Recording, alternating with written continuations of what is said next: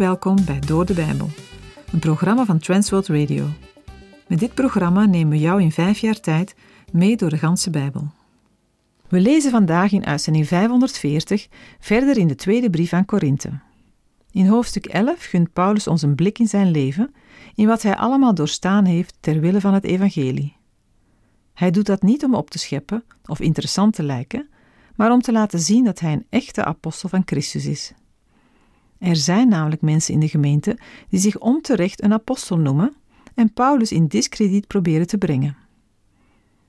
Hoofdstuk 11 begint ernstig. Het raakt Paulus diep dat de gemeente zo goedgelovig is wanneer er een ander evangelie en een andere Jezus worden gepredikt dan hij hen heeft voorgehouden. Door deze valse apostelen te geloven, dwalen de Corinthiërs van Christus af. Paulus maakt een vergelijking met een verloofd koppel. Een aanstaande bruid kan zich niet met andere mannen inlaten, maar richt zich op haar toekomstige man. De gemeente is als toekomstige bruid aan Christus gegeven. Om die reden is het ook terecht dat zij van harte en alleen aan Christus toegewijd is. Hij wil haar niet delen met anderen. Paulus is resoluut in zijn beoordeling van de valse leraars die de gemeente zijn binnengedrongen. Zij zijn alleen maar uit op geld, eer en macht. Ze doen zich voor als dienstknechten van Christus, maar zijn het niet. Ze dienen de tegenstander van God. De duivel kan zich voordoen als een engel van het licht. Dat kan veel kwaaddadiger zijn dan een openlijke aanval. Als de Satan optreedt als een brullende leeuw, is het wel duidelijk dat hij de tegenstander van God is. Maar wanneer hij zich voordoet als een engel van het licht, vraagt dat een goed onderscheidingsvermogen. Dan lijken zijn woorden en theorieën vroom, maar pas op voor de adder onder het gras die probeert om Gods woord te ondermijnen. Het is niet voor niets dat de Heere God wil dat we ons verdiepen in zijn woord en dat goed leren kennen.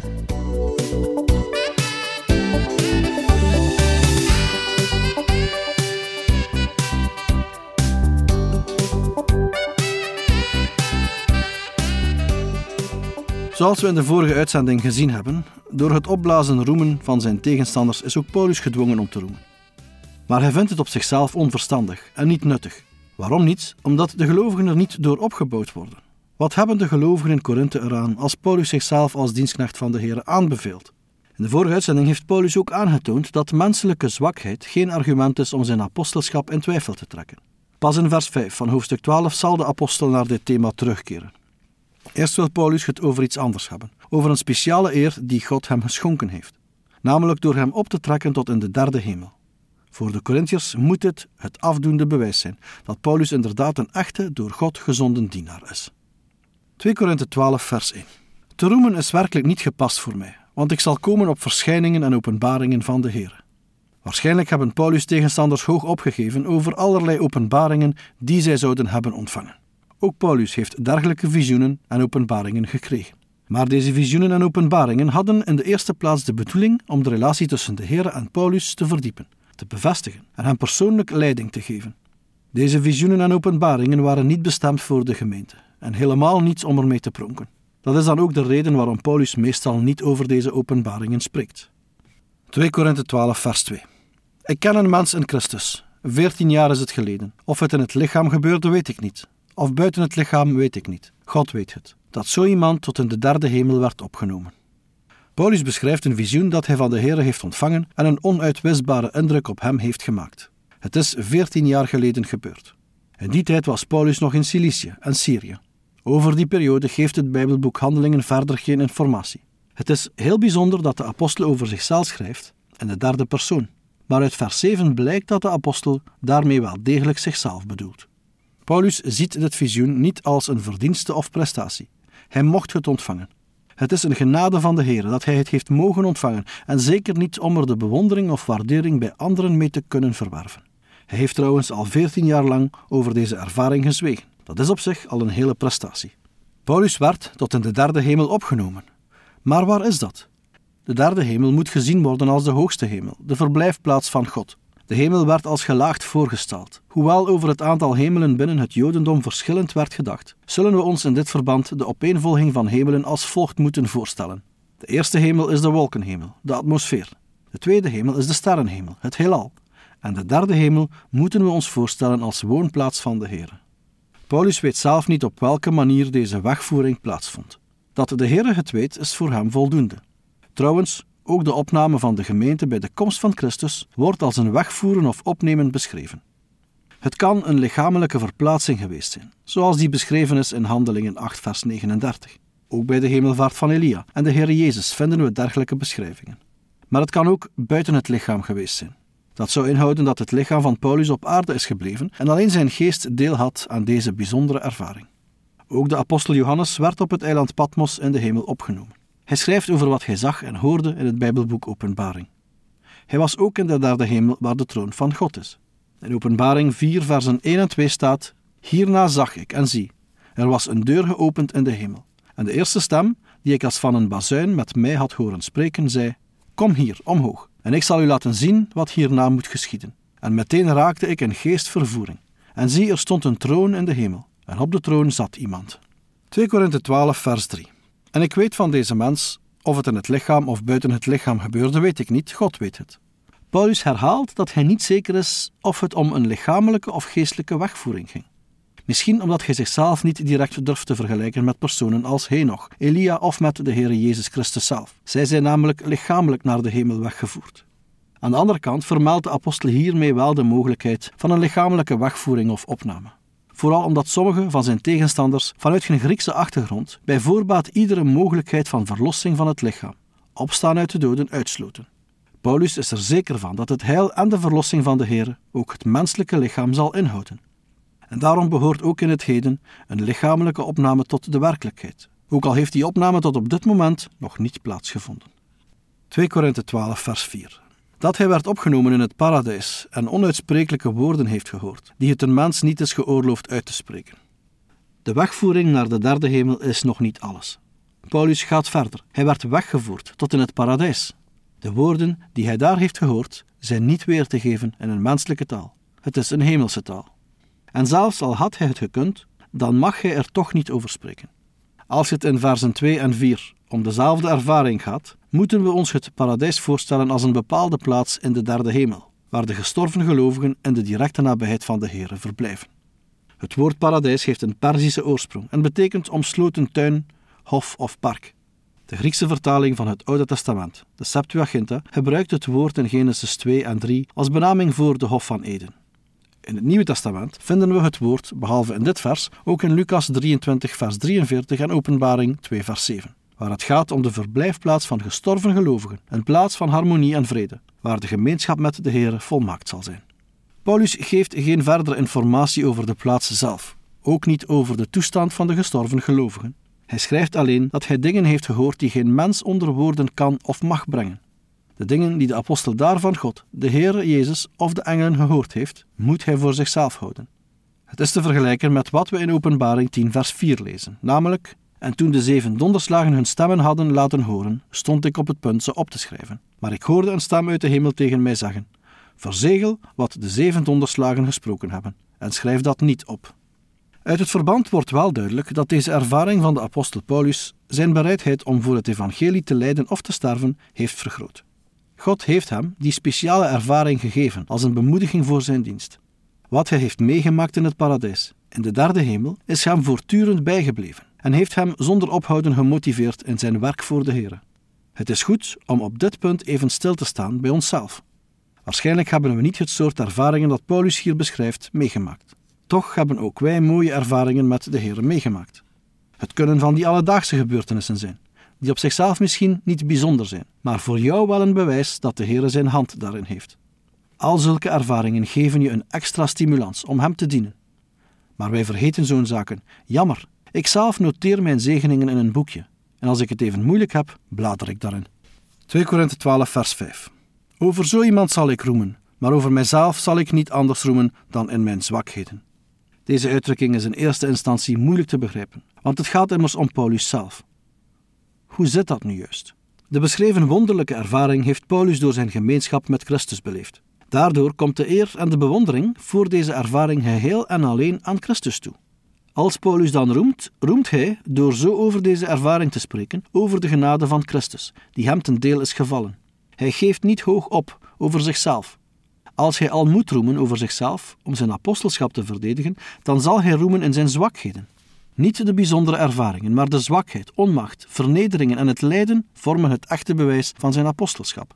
En daar heeft Paulus meer mee te maken gehad dan zijn tegenstanders. 2 Korinthe 12, vers 6. Want gesteld dat ik zou willen roemen, ik zal niet dwaas zijn. Ik zal immers de waarheid spreken. Ik onthoud mij daar echter van, opdat niemand meer van mij denkt dan wat hij aan mij ziet of van mij hoort.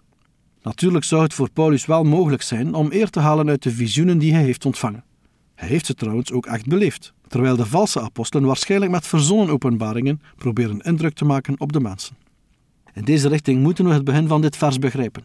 Hoewel Paulus het dwaas vindt om zich door opschepperij te meten met de dwaalleraars, is hij met een getuigenis over zijn visioenen geen dwaas, omdat hij daarmee de waarheid geen geweld aandoet. De waarheid mag uiteindelijk vertaald worden. Toch beperkt Paulus dit. Hij heeft daarvoor twee redenen. Ten eerste wil hij alleen over zijn zwakheid roemen, omdat anders mogelijk de boodschap van het evangelie in de ogen van de Corinthiërs in de schaduw van de geestelijke ervaringen zou komen te staan. Ten tweede, omdat Paulus geen eer of respect wil op grond van fantastische beweringen, zoals de valse apostelen. Hij wil waardering op grond van de dingen die hij heeft mogen doen en de prediking die de Corinthiërs uit zijn mond hebben gehoord. 2 Korinthe 12, vers 7.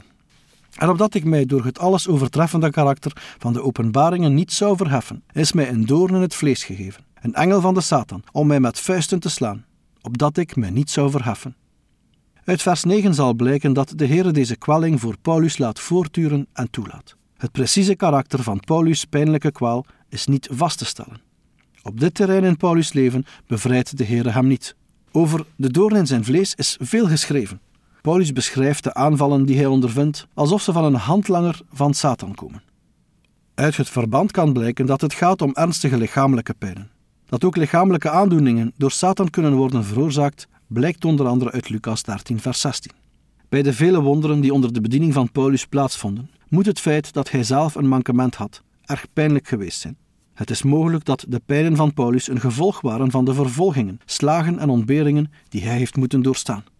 2 Korinthe 12, versen 8 en 9.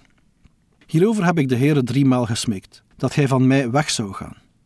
Maar hij heeft tegen mij gezegd: Mijn genade is voor u genoeg, want mijn kracht wordt in zwakheid volbracht. Daarom zal ik veel liever roemen in mijn zwakheden, opdat de kracht van Christus in mij komt wonen.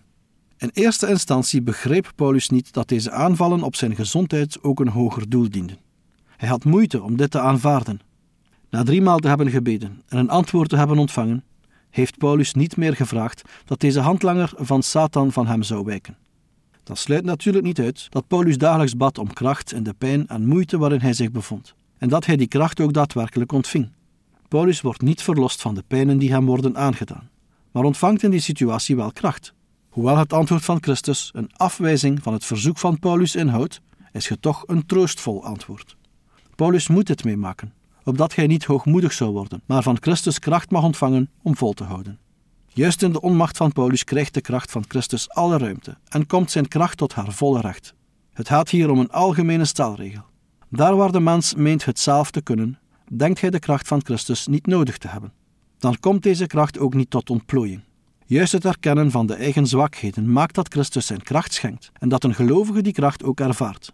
Juist in situaties van machteloosheid en lichamelijke pijn is voor Paulus de nabijheid van de Heer Jezus Christus merkbaar. 2 Korinthe 12, vers 10. Daarom heb ik een behagen in zwakheden, in smadelijke behandelingen, in noden, in vervolgingen, in benauwdheden, om Christus wil, want wanneer ik zwak ben, dan ben ik machtig. We moeten deze woorden van Paulus niet verkeerd begrijpen, als zou Paulus op zoek zijn naar moeilijkheden en verlangen naar het martelaarschap. Dat is uiteraard niet het geval. Maar wanneer hij in moeilijke situaties terechtkwam en daardoor de mogelijkheden om op eigen kracht overeind te blijven of zichzelf te redden ten einde waren, kon hij zich verheugen op uitredding door de kracht van Christus. 2 Korinthe 12, vers 11. Ik ben door te roemen dwaas geworden. U hebt mij daartoe gedwongen, want ik zou door u aanbevolen moeten worden. Ik ben immers in niets minder geweest dan de apostelen bij uitstek, hoewel ik niets ben. Dat wat Paulus eigenlijk niet had gewild, is nu toch gebeurd. Hij heeft over zichzelf geroemd. Het was noodzakelijk, omdat de Corinthiërs al te gemakkelijk gehoor hadden gegeven aan de zichzelf aanbevelende valse apostelen. 2 Korinthe 12, vers 12. De tekenen van een apostel zijn onder u verricht, in al mijn volharding, in tekenen, wonderen en krachten. Paulus is van zichzelf niets, maar alles wat hij is en doet, doet hij in Gods kracht. Toen hij bij hen was, zijn zij getuigen geweest van tekenen, wonderen en krachten die hij heeft gedaan. Het zijn dingen die hij met volharding heeft gedaan. Uit de volharding die iemand toont, blijkt hoe hij is. In het geval van Paulus konden de Corinthiërs daaraan zien dat hij stond voor wat hij predikte en dat zijn zending van hoger hand was.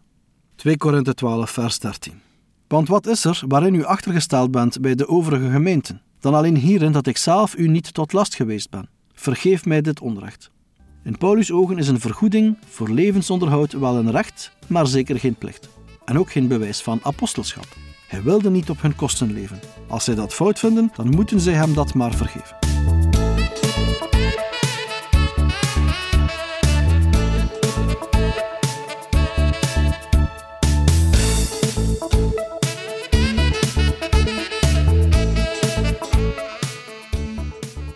Heeft geluisterd naar Door de Bijbel, een programma waarin we in vijf jaar tijd de ganse Bijbel bespreken. De basis voor het programma is de Bijbelstudiereeks van Dr. Vernon McGee, Through the Bible. Deze werd in het Vlaams vertaald en bewerkt door Transworld Radio. U kan elke werkdag naar een nieuwe uitzending luisteren en u kan ook steeds voorbije uitzendingen opnieuw beluisteren of downloaden. Als u wilt reageren op deze uitzending of u heeft vragen, dan kunt u uiteraard contact met ons opnemen. U kan een e-mail sturen naar doordebijbel.twr.be. Verder kan u op onze site terecht, www.twr.be, voor meer info en het beluisteren van onze overige programma's. Dit programma werd gepresenteerd door Patrick Couchement en Anne Notenboom. Wij danken u voor het luisteren en graag tot een volgende keer.